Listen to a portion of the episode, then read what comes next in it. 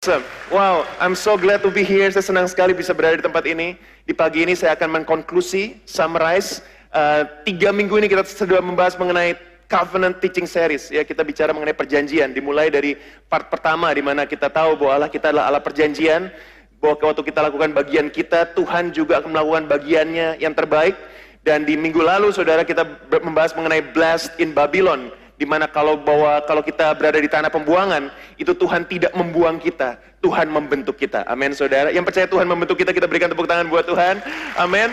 Nah, saudara yang ketinggalan dua minggu lalu nggak ke gereja, minggu lalu juga nggak ke gereja, please go to our YouTube channel karena di situ ada kompilasi khotbah dari minggu lalu dan dua minggu lalu uh, you will be blessed. Saya percaya saudara Tuhan sedang berbicara mengenai perjanjian di gereja ini yang sangat kuat. Nah, hari ini adalah hari terakhir, final daripada covenant teaching series. Saya mau tanya saudara di tempat ini, siapa yang udah setia mendengarkan firman Tuhan dari dua minggu lalu? Jadi nggak ada yang miss out ya dari week one datang, minggu lalu datang sampai minggu ini datang. Jadi siapa yang tiga minggu ini sudah nggak bolos ke CC? Nggak usah malu, sudah angkat tangan, angkat tangan, angkat tangan ya. Saudara tidak dihakimi kok. Hanya dihukum, enggak saudara. Oke, banyak banget ya kita berikan tepuk tangan buat Tuhan, lebih dari 50%, termasuk yang males angkat tangan, nggak apa-apa, tapi saya percaya banyak banget kalau lihat dari wajah-wajah saudara, eh, walaupun pakai masker saya sangat familiar, saudara udah datang minggu lalu, datang dua minggu lalu. Nah, hari ini kita akan membahas mengenai relational covenant. Bisa ditunjukkan gambarnya?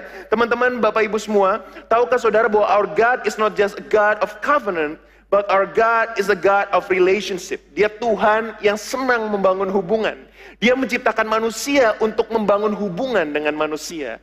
Waktu manusia dibilang, kamu jangan makan dari buah pohon ini, kalau kamu makan pasti kamu mati. Yang mati bukan cuma jasmaninya yang mati, tapi yang mati adalah hubungannya dengan Tuhan. Yesus datang ke dunia ini untuk memulihkan hubungan kita dengan Bapa di surga. Now, what happened is this. Banyak orang berkata, Pak, saya udah lakukan bagian saya. Saya setia memberi yang terbaik buat Tuhan. Saya setia melayani Tuhan. Ya, terus saudara bilang juga, oh eh, saya juga punya integritas. Saya juga punya intimasi dengan Tuhan. Tapi kenapa janji Tuhan dalam hidup saya belum tergenapi? Kenapa berkat Tuhan terhalang? Nah, saudara kalau lihat uh, dari salib ini, ternyata Tuhan kita adalah God of relationship. Jadi begini, kalau saudara merasa sudah melakukan bagian saudara, tetapi saudara punya hubungan yang tidak benar antara bapak dengan anak, ya bapak di dunia dengan anaknya, dan juga husband and wife, suami dengan istri, maka firman Tuhan berkata berkat saudara akan terhalang. Jelas sekali di perjanjian baru. Jika seorang suami berlaku kasar kepada istrinya, ada kata-katanya doamu ter halang saudara. Jadi ternyata saudara banyak orang sudah lakukan bagiannya, tapi Tuhan tidak memaksimalkan berkatnya dalam hidup orang ini. Janjinya tidak terpenuhi secara maksimal karena hubungan dengan orang tuanya tidak baik, karena hubungan dengan istrinya tidak baik. Hormatilah ayahmu dan ibumu supaya lanjut umurmu di tanah yang dijanjikan Tuhan Allahmu kepadamu. Amin. Wah, saya melihat banyak orang, saudara banyak bahkan hamba Tuhan, jago banget khotbah di mimbar, tapi kasar dengan istrinya Bahkan memperlakukan istrinya seperti pembantu, mohon maaf saudara ya. Ada hamba Tuhan yang luar biasa di mimbar, tapi kasar dengan anaknya. Firman Tuhan berkata, Bapak, janganlah bangkitkan amarah di hati anakmu. Firman Tuhan juga berkata, Bapak, janganlah sakiti hati anakmu. Ternyata hubungan Bapak dengan anak, anak dengan Bapak, itu sangat penting. Kalau kita punya hubungan yang sehat dengan Bapak di dunia, maka hubungan kita dengan Bapak di surga harusnya juga. Kalau kita punya hubungan yang sehat dengan pasangan kita, maka harusnya hubungan kita dengan Tuhan juga sehat. Nah, saudara bisa lihat um, statement ini. Hubungan dengan Bapak, oh ini dia statistik saudara. Wah saya sedih banget lihat statistik ini. Saudara lihat statistik ini bulan lalu keluar. Indonesia adalah nomor tiga di dunia, a fatherless nation nomor tiga. Berarti figur Bapak banyak yang hilang. Padahal tingkat perceraian di Indonesia cukup rendah dibandingkan negara western. Ini yang menarik loh saudara. Di negara Indonesia, tingkat perceraian cukup rendah dibandingkan western countries. Tetapi father figure missing lebih banyak di Indonesia dibandingkan di negara-negara yang perceraian lebih tinggi. Kenapa? Ternyata kalau di luar negeri saudara, walaupun keluarga bercerai masih ada father figure. Bapaknya masih main sama anaknya. Makanya kan kalau di Amerika, di Australia kan Father's Day benar-benar diselebrate ya hari Bapak ya. Kalau di Indonesia kayaknya cuma hari Ibu yang benar-benar kita rayakan. Betul? Kenapa? Karena bapak sepertinya, aduh bapak gitu kan. Kalau udah ngomong bapak tuh kayak jenggotan gitu kan. Terus baca koran gitu, main catur gitu kan. Kayak kayak gak deket dengan anaknya. Makanya kalau di Indonesia bilang Father's Day kayak aduh garing gitu saudara. Begitu Mother's Day nangis-nangis, kasih bunga. Begitu Father's Day gak dikasih apa-apa saya saudara. Nah saudara, kenapa begitu? Karena begini, Indonesia bayangkan, tunjukkan. Peringkat tiga fatherless country. Saudara saya tuh tahu satu hal begini, Tuhan mengasihi bangsa kita, amin. Tuhan mau memulihkan bangsa kita. Tapi sebelum Tuhan pulihkan ekonomi, kalau kita mau dipulihkan, hubungan Bapa dengan anak harus dipulihkan. Doa saya saudara, gereja menjadi jawaban di mana hubungan anak dengan Bapa dipulihkan. Karena kalau hubungan anak dengan Bapa dipulihkan, maka generasi dipulihkan. Waktu generasi dipulihkan, bangsa dipulihkan, Indonesia pun dipulihkan. Yang percaya katakan amin saudara ya. Fatherless nation, sedih banget loh. Sampai saya waktu lihat statistik ini saya tanya Zayden, Zayden, do you love daddy? Yes, waduh. Berarti saya nggak fatherless saudara ya. Saya masih sayang dengan anak saya, anak saya masih merasa disayang. Saya tuh saudara sering ngecek ke anak saya. Bapak ibu boleh cek loh ke anak, tanyain tiap hari. Nah, kerasa nggak sih disayang? Gitu. Rasa dong, wah puji Tuhan. Kenapa? Dibeliin mainan, ya ampun. Disayang kan dibeliin mainan. Rasa nggak disayang? Rasa. Kenapa? Dibeliin pizza. Oh makanan. Sudah cek terus deh. Every day saya tanya ke Zayden. Zayden, do you feel love? Yes. You know, Zayden, saya punya anak pertama. Hobinya apa? Huggy and kissy on the bed. Jadi pelukan dan ciuman di bed. Saya bilang, kenapa senang dipeluk sih? Karena when you hug me, I feel loved. Waduh, lembut sekali hatinya. Saya bersyukur saya tidak masuk ke dalam statistik ini. Tapi begitu banyaknya orang, terutama orang Kristen, yang masuk dalam statistik ini. Nah saudara, hari ini kita mau bahas sesuatu yang menarik. Waktu saya siapin khotbah ini, wow, ini saya nggak pernah sampaikan sebelumnya. Mungkin saudara juga belum pernah dengar sebelumnya. Mengenai masalah keluarga Musa. Wah, saudara pernah dengar nggak bahwa Musa, nabi yang luar biasa itu, seorang yang memimpin bangsa Israel keluar dari tanah perjanjian, dia punya masalah keluarga. Pernah dengar? Belum pernah ya, mari kita simak sama-sama. Setelah pesan-pesan berikut ini, nggak ada iklan. Saudara. Oke, mari kita simak sama-sama slide berikut ini. Saudara. Mari kita lihat Oke, ini oh oke, ini. Kalau hubungan dengan Bapa di dunia uh, sorry, Bapa di dunia buruk, maka akan mempengaruhi hubungan dengan Bapa di surga. Nah, hubungan dengan Bapa di surga buruk mempengaruhi hubungan dengan otoritas. Tahu nggak saudara? Ada beberapa orang itu nggak bisa diatur beneran. Sama guru nggak bisa diatur, sama pendeta nggak bisa diatur, sama pemerintah pun nggak bisa diatur. Sehingga apa pun yang terjadi dia selalu menjadi partai oposisi. Saudara kalau di demokrasi perlu partai oposisi untuk checks and balance, right? Karena demokrasi, demos kratos pemerintahan oleh rakyat.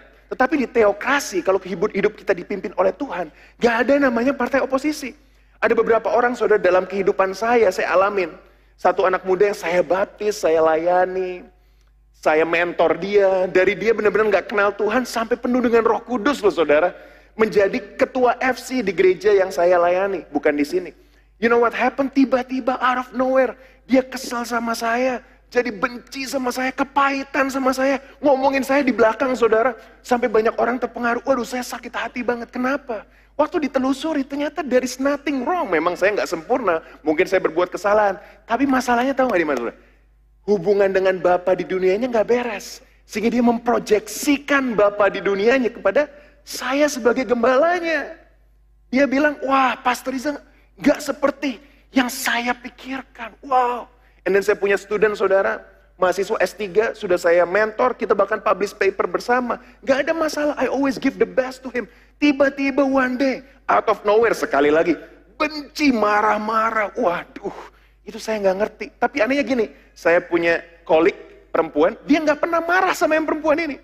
Tapi sama saya marah. Waktu ditelusuri psychologically, sama lagi, father issue. Makanya saudara, orang kalau nggak bisa diatur, selalu penuh pemberontakan, selalu ngomel-ngomel, komplain all the time, coba cek dulu. Biasanya ada namanya father issue. Apa itu father issue?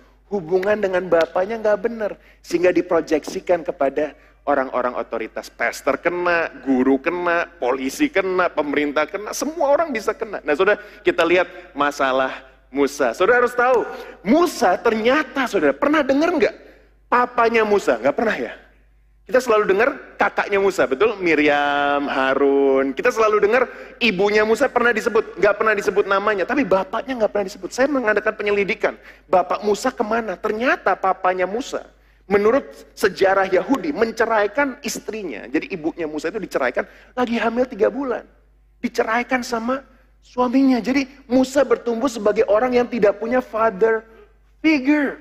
Bahkan Musa tidak tahu bagaimana dia bisa menjadi Bapak yang baik. Nah, waktu Tuhan memanggil dia untuk menggembalakan bangsa Israel, dia punya namanya conflicting priorities.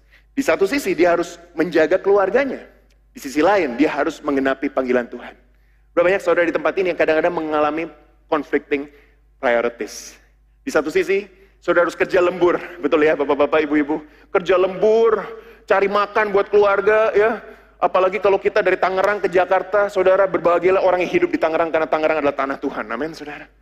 Tapi ke Jakarta pulang pergi, sekali one way dua jam pak ya betul ya. Udah gitu ganjil genap lagi, saudara ganjil genap. Kalau lagi hari ganjil, plat saudara genap harus lewat jalan tikus. Dan lain sebagainya, conflicting priorities. Saudara pulang rumah, anak sudah tidur. Terus istri mulai ngomel ya pak ya. Kamu ini nggak pernah di rumah, terus si bapak ngomel lagi, loh gua kan cari uang.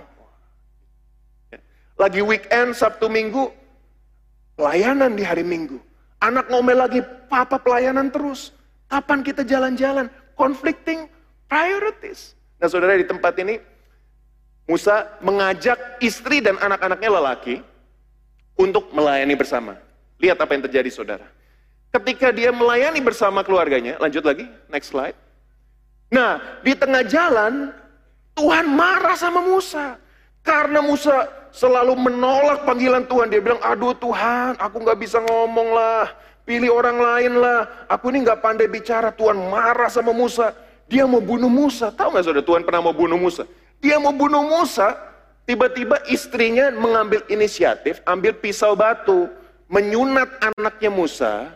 Sunatannya itu ditaruh di kulit kaki Musa sambil berkata sesungguhnya engkau pengantin darah bagiku. Serem banget ceritanya. Darah di mana-mana, ada sunat-sunat itu pasti anak juga teriak-teriak saudara ya. Disunat sama maminya di tengah malam, bayangin saudara. Siapa yang mau mengalami ini? Gak ada saudara ya. Kalau saya jadi anaknya saya tengking itu ibunya. Siapa yang mau diginiin? Nah, ketika kejadian ini, sejak kejadian ini, nama Zipora tidak pernah disebut lagi di kitab keluaran. You know what happened? Musa mengusir istrinya, saudara. Coba lihat. Ayo, ayat selanjutnya, keluaran 14. Kedengarlah kepada Yitro. Ini ini ceritanya sudah selesai, saudara. Jadi, itu masalah sunat penyunat sudah beres, lalu keluarlah dari tanah Mesir, mujizat terjadi dan lain sebagainya. Musa sendirian. Ternyata begini, Musa itu mengusir istrinya ketika selesai penyunatan itu, saudara. Dia marah, dia bilang, kamu mungkin, kamu nyunat anak gak ngomong-ngomong. Saya mau dibunuh sama Yahweh. Kamu ambil inisiatif, pokoknya mereka ribut. Dikatakan di situ, kedengaran kepada Yitro, imam di Midian, mertua Musa, segala yang dilakukan Allah kepada Musa dan kepada Israel umatnya, bahwa Tuhan telah membawa orang Israel keluar dari Mesir. Lalu Yitro mertua Musa membawa serta Zipora istri Musa, yang dahulu disuruh Musa, apa saudara? Pulang. Bahasa Inggris, when she was dismissed by Moses. Musa usir istrinya, udah lu balik aja ke rumah orang tua. Pulangkan saja aku pada ibuku atau ayahku yang nggak ketawa nggak tahu, saudara. Lagu 80-an. Saudara dengarnya lagu rohani terus. Ya. Karena mama saya sering dengar lagu itu dulu, bukan karena depresi, bukan saudara, karena seneng aja lagunya keren. Nah, dia dipulangin ke rumah ibunya, dipulangin rumah bapaknya Yitro. Anehnya begini saudara, di situ disebut kedua anak laki-laki Zipora. Saya tanya saudara, kalau misalnya nih, saya ketemu dengan istri saya, ya kan? Ini masalahnya mengenai Musa, betul ya, mengenai saya nih. Lalu anak saya datang, kira-kira saudara bilang, ini anaknya Pastor Riza atau anaknya Pastor Stephanie? Pasti saudara bilang, anaknya dua-duanya, betul dong, ya kan? Anaknya Pastor Riza dan Pastor Stephanie. Atau anaknya Pastor Riza, karena lagi ngomongin soal Riza. Ini lagi ngomongin soal Musa, tapi disebutnya kedua anak laki-laki Sipora. Tahu nggak apa yang terjadi saudara? Anaknya saking diusir pulang sama bapaknya, sudah sampai distant hubungannya dengan Musa. Karena Musa sendiri juga nggak punya hubungan yang dekat dengan bapak kandungnya, maka dia tidak memiliki hubungan dekat kepada anaknya. Apa yang terjadi saudara? Berkat Tuhan, janji Tuhan dalam hidup Musa tidak optimal, tidak maksimal. Kenapa? Hubungan bapak anak sangat penting. Yang percaya katakan amin. Amin. Karena kalau hubungan ini nggak beres, nggak bisa. Musa tidak bisa memimpin bangsa Israel sendirian tanpa keluarganya. Saudara, what happened when you have conflicting priorities? 2019 saudara, saya dan keluarga memutuskan untuk kembali ke Indonesia for good. Kita uh, tinggalkan semuanya, tapi saya masih bekerja di Australia saudara sebagai seorang akademik. Lalu apa yang terjadi saudara karena saya terlalu sering traveling waktu itu.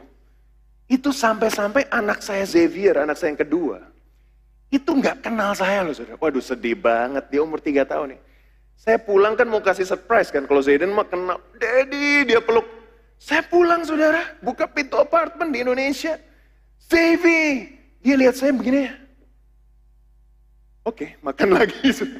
Waduh sedih banget. Bahkan waktu itu sempet anak saya lebih dekat ke Pastor Cindy dibandingin ke bapaknya sendiri. Oh yang paling sedih saudara, anak saya mau digantiin mau dimandiin sama saya nggak mau. Maunya sama mbak, saudara, sama pembantu. Waduh betapa sedihnya, kenapa? Karena I am, I was absent from his life for one year. 2019 tahun yang sangat berat buat saya. Makanya saudara, COVID memang bahaya, COVID memang menyedihkan. Tetapi di tahun-tahun itu pandemi, saya mengalami saudara, di mana saya benar-benar dekat sama anak saya. Tuhan memakai pandemi supaya kita dengan keluarga dekat. Sehingga father and son dipulihkan. Yang percaya katakan amin. Kita berikan tepuk tangan buat Tuhan. Amin saudara.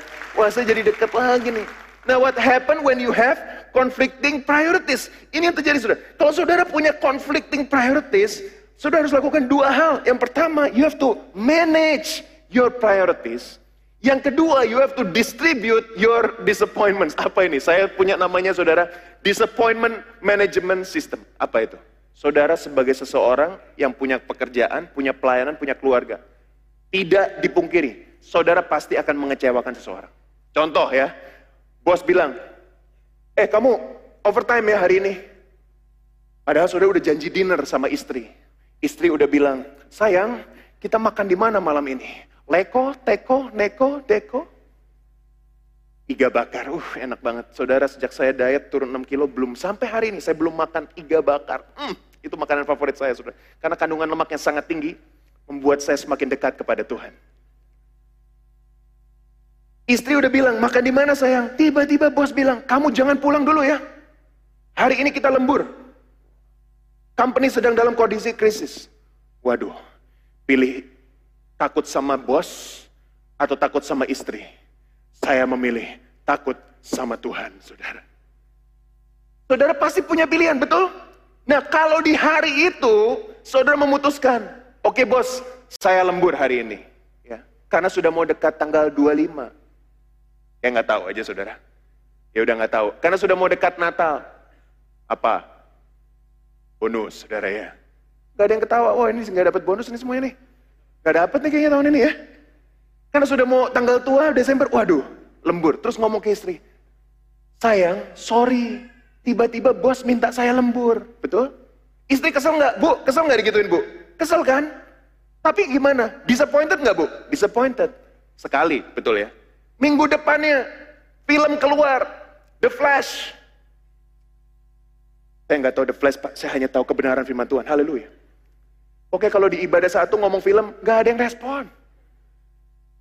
Oh ibadah tiga, wah seru banget semuanya menonton. Anyway, sayang, nanti malam, wah ini Jumat depan ya kan? Nanti malam nonton ya. The Flash baru keluar loh. Aku udah beliin tiket, waduh.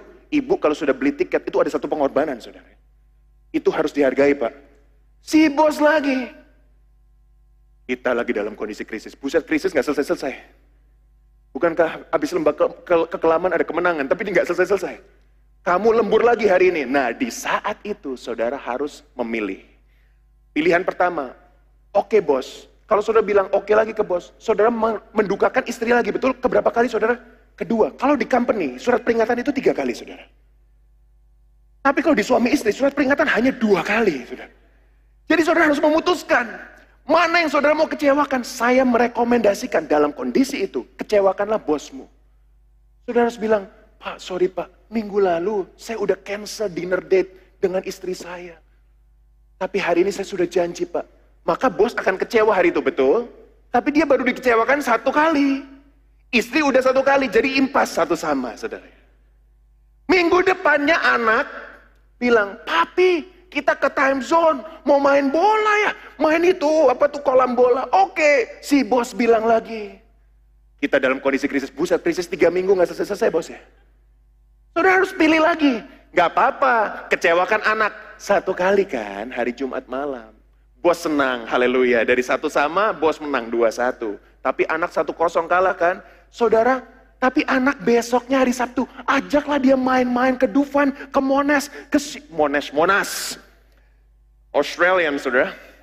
SeaWorld dan lain sebagainya. Bikin dia senang di hari Sabtu itu. Saudara menebus waktu yang salah. Namanya apa? Distribute your disappointments. Kalau saudara, istri korban terus, istri nggak kuat. Anak korban terus, anak nggak kuat. Bos korban terus, dipecat saudara.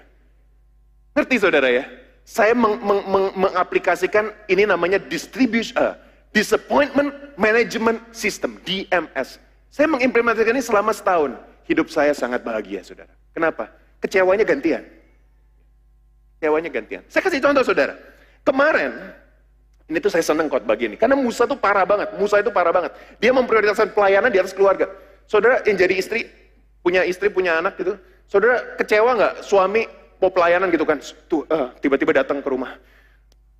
Sayang, Tuhan memanggil saya misi di Papua, misi di Ambon. Maka itu kamu harus kembali ke Tegal. Gitu. Atau ke mana? Hah? Anak istri disuruh kembali ke kota? ke kedes atau ke kampung, ke kota kecil, suami keliling pasti kesel lah jadi istri. Nah saudara, Musa parah banget. Dia memprioritaskan pelayanan di atas keluarganya. Nanti saya ceritain, ada konsekuensinya. Nah saudara, saya kasih contoh gini. Itu aja yang tadi aja, yang tadi aja. Managing priorities, saudara. Kemarin, hari Sabtu, saya merayakan ulang tahun anak saya yang ke satu. Saudara, bayinya udah besar, umur satu tahun. Nah, acaranya jam 4 sore. Ada dua pelayanan di hari itu. Yang pertama adalah pelayanan teens, camp. Mereka camp di puncak, saudara ya. Nah, saudara saya perlu satu uh, pesan buat saudara semua. Buat semua saudara yang mau ke puncak, ya, jangan percaya dengan Google Map. Saya malam sudah research. Oh, cuma satu jam 40 menit. Pengurus bilang, tiga jam, Pastor. Ah, kamu ini. Saya percaya analitik Google ini. Saya kan orang saintifik kan. Ya, saya pergi dari rumah 7 kurang 5, acara jam 9. As, alhasil, satu jam setengah stuck di traffic saudara ya. Katanya ini tinggal 17 kilo lagi tapi macet gitu. Jadi karena ulang tahun anak saya jam 4, saya bilang ke pengurus saya khotbah pagi aja. Saya berangkat jam 7, khotbah lah di sana, jam 12 saya pulang, sampai rumah jam 4. Tapi malam ada acara. FC Atmosfer kumpul semua, lebih dari 300 orang. Pastor tolong sharing. Waduh, gimana ini? Saya memutuskan di hari itu, saya akan khotbah paginya, saya akan kembali ke rumah untuk spend time with my family, saya akan miss FC atmosfer. Itu saudara dengan muka menghakimi, pendeta kok enggak, enggak berkhotbah ya Sabtu malam. Enggak lah, saudara kan mengasihi saya. Tapi tentunya ada orang-orang yang kecewa di Sabtu malam. Loh, Pastor Riza nggak datang. Tapi saya bilang, saya sudah melayani di pagi, saatnya malam itu saya melayani keluarga saya. Saudara harus tahu, keluarga kita juga pelayanan saudara. Yang sangat penting yang Tuhan percayakan kepada kita. Yang percaya katakan amin. Kita berikan tepuk tangan buat Tuhan. Ya. Kadang kita memprioritaskan pelayanan, gereja, gereja, gereja, keluarga keteteran. Ibu-ibu masak buat gereja tiap minggu. Suami kelaparan di rumah, saudara. Iya di Australia, suaminya ateis, istrinya Katolik. Ditanya, kenapa kamu gak percaya Tuhan? Istrimu kan ke gereja terus.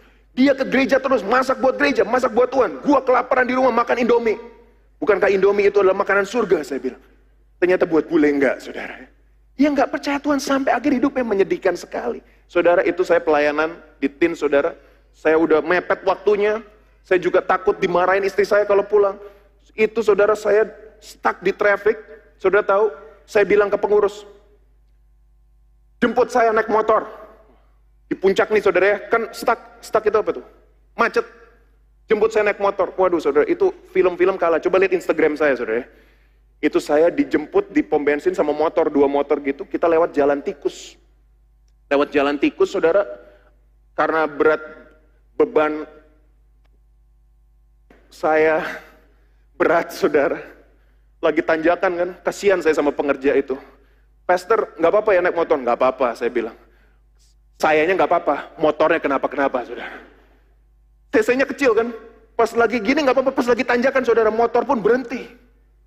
Sudah didoakan dalam nama Yesus masih nggak jalan. Saya hampir jatuh, saya bilang, udah saya turun aja. Malah saya dorong motornya, saudara. Mendaki gunung puncak. Diketawain sama pembina, dia bukan bantuin pembinanya, malah ngevideoin saya, saudara. Masuk Instagram, diketawain, dia bilang, ngapain kak? Ya ini dorong gak kuat motornya. Matius 11 ayat 28 berkata, Marilah kepadaku semua yang letih lesu dan berbeban berat. Aku akan memberi kelegaan kepadamu. Saya sudah datang kepada Tuhan, tapi berat saya nggak turun-turun, saudara. Ya beban rohani turun, beban jasmani belum. Saya sampai ke tempat yang khotbah satu jam, altar call keringetan, makan, Turun lagi sampai sore, ketemu sama keluarga bilang, loh datang on time, foto-foto. Loh kamu tadi pagi pelayanan? Iya. Pulang pergi? Iya. Demi keluarga, saya rela pulang pergi, puncak. Nyetir di setir motor saudara, sampai dorong-dorong ke atas dengan beban berat. Kenapa? Buat keluarga. Kalau kita berkorban, Tuhan pun disenangkan, keluarga pun senang, saudara. Penuh dengan sukacita. Anak pun melihat pengorbanan bapaknya. Wah, melayani tapi Keluarga tetap diprioritaskan. Nah saudara kita mau lihat dengan cepat aja, Musa ini parah banget. Coba lihat saudara. Dia punya jemaat jutaan. Um, ya, satu juta mungkin. Tapi nggak punya FC leader. Nggak punya gembala area, nggak punya gembala rayon, nggak punya anak buah. Jadi dari pagi sampai malam, dihandle sendiri. Mulai dari masalah berat, pembunuhan, dia yang handle. Pemfitahan, dia yang handle. Sampai saudara, Musa ini telur ayam katanya punya tetangga, saya merasa ini punya saya karena warnanya coklat muda, itu coklat tua. Itu dihandle Musa sendiri. Dari pagi sampai malam. Saya langsung parafrasis, saudara. Ya Yitro bilang, tidak baik apa yang kau lakukan itu. Lanjut. Tidak baik apa yang kau lakukan itu. Nah, terus lanjut lagi, lanjut lagi. Next slide katakan. Nah, engkau akan menjadi sangat lelah. Baik engkau, baik bangsa yang beserta engkau. Saudara, kalau saudara pelayanan sendiri, tapi istri nggak support, keluarga nggak support, saudara akan capek. Kalau saudara pelayanan sendiri tapi nggak punya orang-orang yang mendukung saudara, saudara akan capek. Apa yang Musa lakukan? Dia mendengar perkataan dari mertuanya. Sekarang dengarkanlah perkataanku, angkat wakil-wakil. Tapi ini attitude Musa luar biasa. Attitude Musa apa? Dia mendengarkan perkataan mertuanya. Saudara saya bersyukur saudara, dalam pengembalaan tidak mudah. Jemaat ribuan, saya harus khotbah, saya harus mengurus gereja, memastikan financial, operation semuanya oke. Okay. Tapi saya punya tim yang solid. Ketika saya perlu bantuan, perlu support, Pastor Andri, Pastor Cindy dengan tim pastoral mensupport. Saudara kemarin malam contohnya, kema orang Instagram saya kemarin siang, Pastor tolong mertua saya perlu didoakan, sakit. Saya nggak bisa datang, orang saya lagi acara keluarga, dari puncak lagi turun. Saya cuma message ke admin tim pastoral. Dalam waktu tiga jam langsung divisit oleh tim pastoral. Kita berikan tepuk tangan buat tim pastoral kita, saudara. Tanpa mereka, gak bisa saya, saudara. Kita punya tim doa yang kuat, tim pastoral yang kuat. Saudara, you have to manage your priorities. Dalam pelayanan juga gitu. You cannot do everything by yourself. Saudara harus punya manage priorities, saudara. Ya, lanjut lagi, ada dua solusi yang saya mau berikan buat saudara pada hari ini. Solusi pertama adalah begini. Kalau saudara punya relationship conflict, saudara merasa hubungan saudara dengan keluarga tidak baik, hubungan saudara dengan bapak, dengan istri tidak baik, saudara perlu namanya rekonsiliasi. Amin. Pemulihan hubungan. Saudara kalau saya rekonsiliasi nggak tunggu KKR kan. Kalau lagi KKR gitu, KKR suami istri kan, pegang tangan istrimu. Terus nyanyi, Tuhan pulihkan, nangis-nangis gitu saudara ya. Atau nunggu Valentine's Day bawa bunga. Sayang ampunilah semua dosaku selama satu tahun terakhir. Ya kalau istri itu mengingat bukan satu tahun terakhir pak, sepuluh tahun terakhir. Bahkan seratus tahun terakhir sebelum kita dilahirkan. Saya rekonsiliasi dengan istri setiap hari. Berapa lama saudara? Setiap hari. Firman Tuhan berkata, jika kamu ada apa kemarahan atau apa sebelum matahari terbenam, bereskan dulu. Kenapa ini saya ngerti saudara. Karena istri itu, Hawa itu, kaum Hawa itu, kesalahan kecil-kecil dia simpan di dalam hatinya yang paling dalam saudara. Kalau kesalahan kecil-kecil kita Pak, Bapak-Bapak dengarkan ini dengan baik. Ini adalah menentukan masa depan kita Pak ya. Kesalahan kecil-kecil yang terpendam di dalam hati benak yang dalam. Dalam waktu 365 hari, kesalahan itu menjadi kesalahan raksasa. Melebihi Goliat. Itu perlu kekuatan Daud dengan kata pel, dengan kekuasaan Tuhan. Jadi saya kalau sama istri selalu tiap sore malam kalau saya udah lihat mukanya udah agak sedikit muram, saudara. Ini istri saya nggak ada, belum ada ya nggak apa-apa. Saya ngomong aja sembarangan, saudara nggak apa-apa. Ya. Waduh direkam loh. Saya gini, sayang, aku hari ini ada salah nggak? Kalau dia jawabnya, enggak, enggak apa-apa, itu benar-benar enggak ada salah. Haleluya. Terima kasih Tuhan. Tapi kalau dia jawabnya gini, enggak, enggak apa-apa. Hmm. Hmm. Tanya lagi kan, saya, aku salah apa saya? Enggak, enggak apa-apa. Terus gini, enggak, enggak apa-apa, titik. Udah biasa, waduh. Kalau ibu bilang udah biasa, berarti dia bilang apa? Udah biasa kamu menyebalkan. Itu saya harus beresin malam itu. Saya tidak akan tidur sebelum saya rekonsiliasi dengan istri saya. Ya beberapa minggu yang lalu saudara, saya merasa istri saya ada unek-unek dengan saya. Dia tidur tidak tenang. Bahkan dia ada mimpi buruk seperti itu. Saya bilang, aduh, saya langsung bilang, sayang, aku aja dinner kan. Sayang, ampuni saya sayangnya. Kalau saya ada, kemarin kan wedding anniversary, haleluya, ke 11 tahun saudara ya. 11 tahun, tiga anak, puji Tuhan. Cukup saudara ya. Lagi dinner, sayang ampuni saya ya kalau ada kesalahan gitu, rekonsiliasi. Enggak, enggak apa-apa kok. Tapi kamu kok murung belakangan? Aku salah apa ya? Apa karena aku main bola keseringan? Oh enggak, enggak, enggak apa-apa. Ternyata tahu enggak apa saudara? Ternyata bukan kesalahan saya. Ternyata kredit card sudah menumpuk bilnya saudara. Gak ada hubungan dengan saya. Begitu saya tanya korek-korek lagi ternyata kredit card saya bilang terima kasih Tuhan. Dia bingung, loh kredit card kok terima kasih Tuhan? Ya kredit card bisa diselesaikan dengan pembayaran. Tapi kalau kepahitan susah harus KKR saudara. Ya, harus didoakan saya bilang. Jadi saya bersyukur, saya sama istri rekonsiliasi every single day. Bapak, ibu, suami istri, kita harus rekonsiliasi setiap hari. Kalau itu kasir, ya saya pernah kerja di kasir, itu rekonsiliasi setiap hari, betul? Demikian juga dengan hati, dengan masalah harus rekonsiliasi setiap hari. Kedua, submission. Ini. Nah ini submission, ini sering disalahgunakan. Musa mendengarkan perkataan mertuanya itu dan dilakukannya segala yang dikatakannya. Sejak dia dengar perkataan mertuanya, hidupnya jauh lebih baik. Walaupun saya sebagai gembala jemaat saudara, saya masih mendengarkan perkataan mertua saya, for founding pastor, Pastor Billy. Hei, Riza, lain kali jangan gitu. Oh gitu ya, oke. Saya masih mendengarkan. Bukan karena saya ketakutan, walaupun dia menakutkan saudara. Tapi karena dia mertua saya. Saya respect dia. Firman Tuhan berkata, ada nggak ayatnya? Saya kayaknya ada di ayatnya. Ya, anak Hormatilah orang tuamu. I think the next slide, no? Gak ada ya? Anak hormatilah orang tuamu. Kata hormat itu, ah, taatilah orang tuamu di dalam Tuhan. Karena haruslah demikian. Anak-anak muda yang masih punya orang tua, listen to your parents. Amin. Yang amin orang tuanya nih. Anak-anak muda yang masih punya orang tua, listen to your parents. Amin. Cara orang tua itu nggak selalu benar. Caranya bisa, wih, waduh, kesel kita saudara ya. Tapi mak maksudnya betul. Yitro itu memperhatikan Musa stres. Ngaco dia pelayanannya, kacau. Diperhatikan. Sehingga dia punya pelayanan yang lebih baik. Anak muda percaya nggak? Semua nasihat orang tua kita, hampir semuanya, selalu untuk kebaikan kita. Yang percaya katakan amin. Kita berikan tepuk tangan buat orang tua di tempat ini, Bapak Ibu, Om Tante. Tapi kalau dikasih tahu suka ngeyel, saudara ya. Ngeyel itu adalah bahasa surga, artinya keras kepala selalu mau tahu sendiri. Saya ingat umur tiga tahun, umur dua tahun, itu pertama kalinya ada satu kata Zidane yang saya kesel banget. Tahu nggak apa kata-katanya? Kalau dikasih tahu dia ngomong satu kata. Why? Zidane nggak boleh gitu kalau dulu, oke okay, Daddy. Gitu kan. Umur dua tahun setengah. Zidane nggak boleh gitu. Lihat saya. Why? Uh. Coba waktu saya umur dua tahun ya, papa saya gitu kan, jangan gitu Riza, Why? Ikat pinggang langsung saudara. jurus jurus jurus ikat pinggang langsung keluar saudara. Tapi sekarang kan nggak boleh seperti itu. Anak dengarlah orang tua. Nah, istri tunduklah kepada suamimu. seperti kepada Tuhan. Nah ini sering kali disalahgunakan, ya kan? Bapak suami pulang ke rumah bilang, sayang kita perlu gini gini gini gini gini gini. Istri nggak setuju. Wah nggak bisa gitu dong, Pi. Tunduklah kepada suamimu seperti kepada Tuhan. Yang paling parah, istri udah di domestic violence kan, KDRT kan ditampar, dipukul, biru. Udah gitu mau keluar dari rumah, sudahlah saya keluar dari rumah.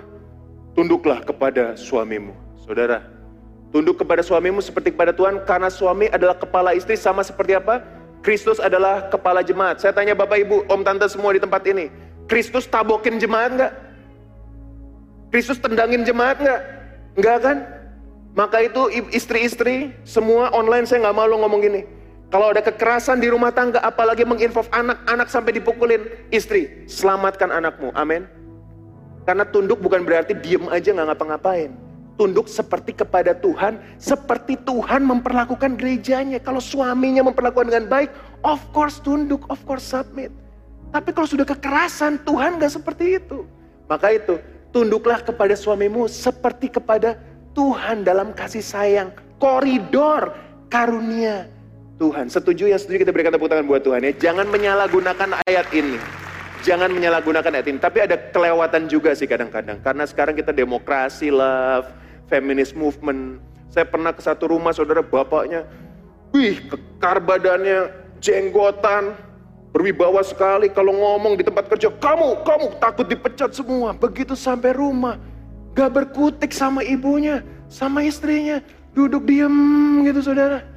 Diomelin sama istrinya, lagi ngomong gini saudara, lagi ngomong, istri bisa gini di depan saya, udah kamu diam aja, gak ngerti apa-apa. Lagi di family community, lagi pimpin pujian, lagi sharing. Istri bisa bilang, ah salah kamu khotbahnya. Waduh, bukan di sini, di gereja di Nun jauh di sana, saudara.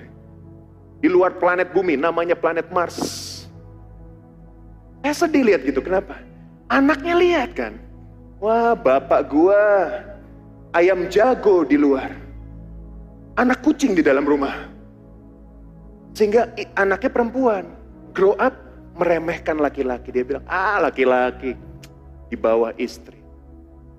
No, no, no. Kita harus balance. Suami hormati istri. Istri tunduk kepada suami. Amin. Sehingga kalau kita punya keharmonisan, manage our priorities. Manage our life. Distribute our disappointments. Tuhan pun akan memberkati kita. Ada satu ayat, saudara nggak ada di sini. Tapi saudara tahu ayatnya, kenapa? Ada lagunya. Seperti minyak di kepala Harun yang kejanggut dan jubahnya turun seperti embun di bukit Hermon mengalir ke bukit Sion. Sebab di sanalah Allah memerintah agar berkat-berkatnya tercurah serta memberikan anugerah hidup selama-lamanya. Itu dalam konteks apa? Konteks keluarga, yang harmonis. Kalau keluarga nggak harmonis, hubungan suami istri retak, hubungan anak bapak retak, maka berkat Tuhan pun tidak akan maksimal dalam hidup saudara. Tapi kalau saudara punya hubungan dengan Bapak dipulihkan, hubungan dengan istri dipulihkan, saya berdoa, saya bernubuat, saya berharap buat saudara semua di tempat ini. Berkat-berkat Tuhan, janji-janji Tuhan akan digenapi sepenuhnya dalam hidup saudara yang mau katakan amin. Mari bangkit berdiri bersama-sama. Ayat terakhir. Seperti Bapak sayang kepada anaknya. Demikianlah Tuhan sayang kepada orang-orang yang takut akan dia. Adakah saudara di tempat ini yang punya hubungan yang tidak beres dengan Bapak saudara? Yang di dunia ini ataupun dengan Bapak di surga. Saudara kecewa dengan Bapak di surga. Saudara kecewa dengan Bapak di dunia. Sudah punya banyak kekecewaan dengan orang tua. Hari ini datang kepada Yesus dan bilang, Tuhan, aku mau dipulihkan. Aku mau rekonsiliasi. Dan aku mau submit kepada my parents. Aku mau submit kepada my husband. Aku mau Tuhan. Supaya hubungan dengan suami istri dipulihkan. Hubungan bapak anak dipulihkan. Sehingga janji Tuhan, covenant Tuhan terpenuhi dalam hidupku. Di dalam nama Yesus. Mari semua yang mau terima janji Tuhan. Kita berikan tepuk tangan sekali lagi buat Tuhan. Amin. Nyanyikan pujian ini bersama-sama. Haleluya. Seperti Bapa sayang anaknya. Demikianlah engkau mengasihiku Kau jadikan biji.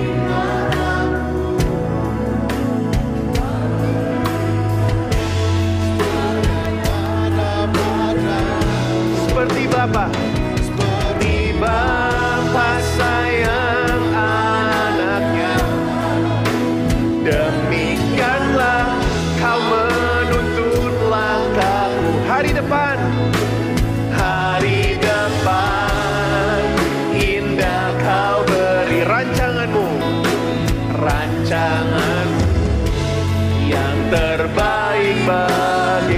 Seperti Bapak sayang anaknya.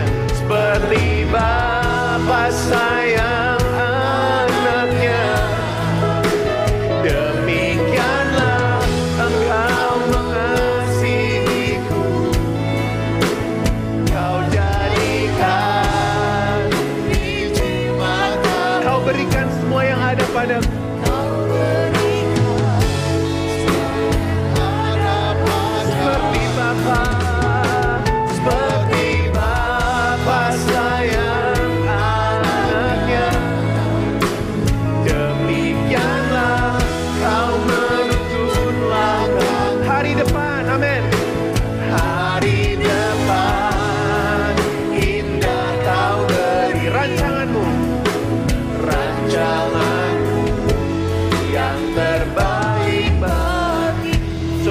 Dikasih Tuhan Adakah saudara di tempat ini hari ini Yang punya masalah dengan Bapa di dunia Dan kau tidak pernah menerima Yesus Sebagai Tuhan dan Juru Selamat dalam hidupmu Mungkin kau jauh dari Tuhan siang ini, pagi ini. Dan kau butuh kasih karunia Tuhan. Dan kau butuh pemulihan. Dan Bapa di surga di tempat ini dia berkata, anakku aku mengasihi engkau. Aku mau masuk dalam hidupmu. Aku mau terlibat dalam hidupmu. Aku tidak seperti Bapamu yang di dunia ini. Aku Bapa yang sempurna. Bapa yang kekal. Bapa yang mengasihimu dengan kasih yang besar. Kalau saudara mau menerima Bapa, masuk ke dalam hatimu. Lewat anaknya Tuhan Yesus Kristus. Yang sudah mati di kayu salib 2000 tahun yang lalu. Saya akan hitung sampai tiga saudara. Saya hanya minta satu hal. Angkat tangan di tempat. Dan saya akan berdoa buat saudara. Saudara tidak perlu maju ke depan. Jangan lihat kanan kiri. Semua mata terpejam saudara. Lampu sudah diredupkan. Saya minta saudara dengan kerendahan hati. Angkat tangan di tempat hitungan ketiga. Kau saudara mau merasakan kasih Bapa.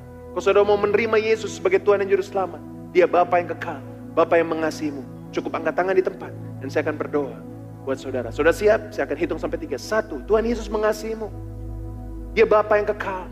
Dia Bapa yang baik. Dia Bapa yang terlibat dalam hidupmu. Dia bukan Bapa yang absen. Dia bukan Bapa yang hilang, yang menjauh. Tapi dia Bapa yang mendekat. Dua, dia sekarang ada di tempat ini. Dan dia siap masuk ke dalam hatimu. Maukah engkau menerima Yesus sebagai Tuhan dan Raja dalam hidupmu? Sebagai Bapa yang berkuasa atas hidupmu. Kalau engkau mau, mari angkat tangan sekarang juga. Satu, dua, tiga, lebih tinggi lagi. Terima kasih, God bless you. Lebih tinggi lagi, ada God bless you. Thank you Jesus, lebih tinggi lagi.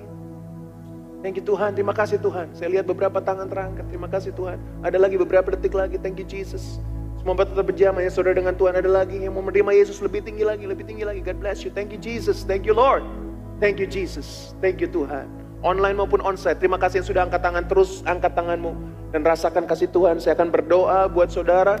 Theo bantu saya berdoa yang sudah angkat tangan. Mari ucapkan berdoa ini bersama dengan saya. Tuhan Yesus, Tuhan Yesus, hari ini hari ini aku menerima Engkau aku menerima Engkau sebagai Tuhan sebagai Tuhan dan Juru Selamat dan Juru Selamat dalam hidupku. dalam hidupku. Jadilah Raja Jadilah Raja atas hidupku. atas hidupku. Jadilah Bapa Jadilah Bapa atas hidupku. atas hidupku. Hidupku tidak sama lagi akan sama lagi. karena Tuhan Yesus ada dalamku.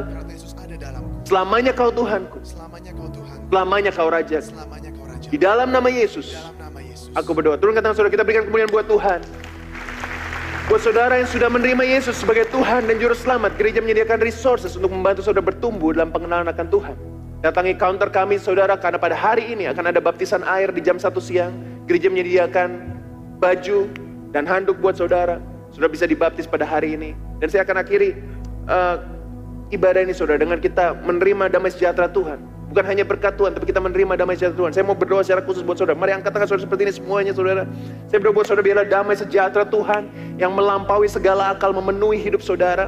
Kalau saudara punya pasangan, saudara suami istri, saya berdoa secara khusus pagi ini saudara. Ada damai sejahtera buat hubungan suami istri di tempat ini. Ada keharmonisan yang baru dari Tuhan. Tuhan memberikan buat saya satu penglihatan saat ini, saudara saya melihat ada anggur baru sedang tertuang di tempat ini. Dan Tuhan bilang seperti manisnya anggur ini, demikianlah manisnya pernikahanmu, demikianlah manisnya keluargamu. Rekonsiliasi sedang Tuhan lakukan buatmu. Mari suami istri sama-sama bangun keluarga yang sehat. Prioritaskan keluarga. Prioritaskanlah anak-anak, prioritaskanlah hubunganmu. Karena hubunganmu sangat penting. Seperti anggur manis. Demikian Tuhan curahkan damai sejahtera Tuhan. Buat pasangan suami istri tempat ini. Buat anak dan bapak. Ada satu damai sejahtera, ada roh Bapa yang baru yang Tuhan berikan buat bapak-bapak di tempat ini. Buat anak di tempat ini ada roh yang penurut. Roh yang menghormati orang tuanya. Saya merasakan saudara ada the wave of God's presence. God's glory just come in His place. Karena Tuhan mengasihi keluarga. Tuhan bertahta atas keluarga, keluarga. Terus sembah dia. Kita ada beberapa menit saudara dengan angkat tangan sambil menunggu berkat Tuhan. Menunggu zaman Tuhan. Terus sembah dia. Mari sembah dia. Kita ada waktu beberapa menit. Terima kasih Tuhan. Kira raba sikara lama rama. Oh sikara lama rama. Terima kasih Tuhan.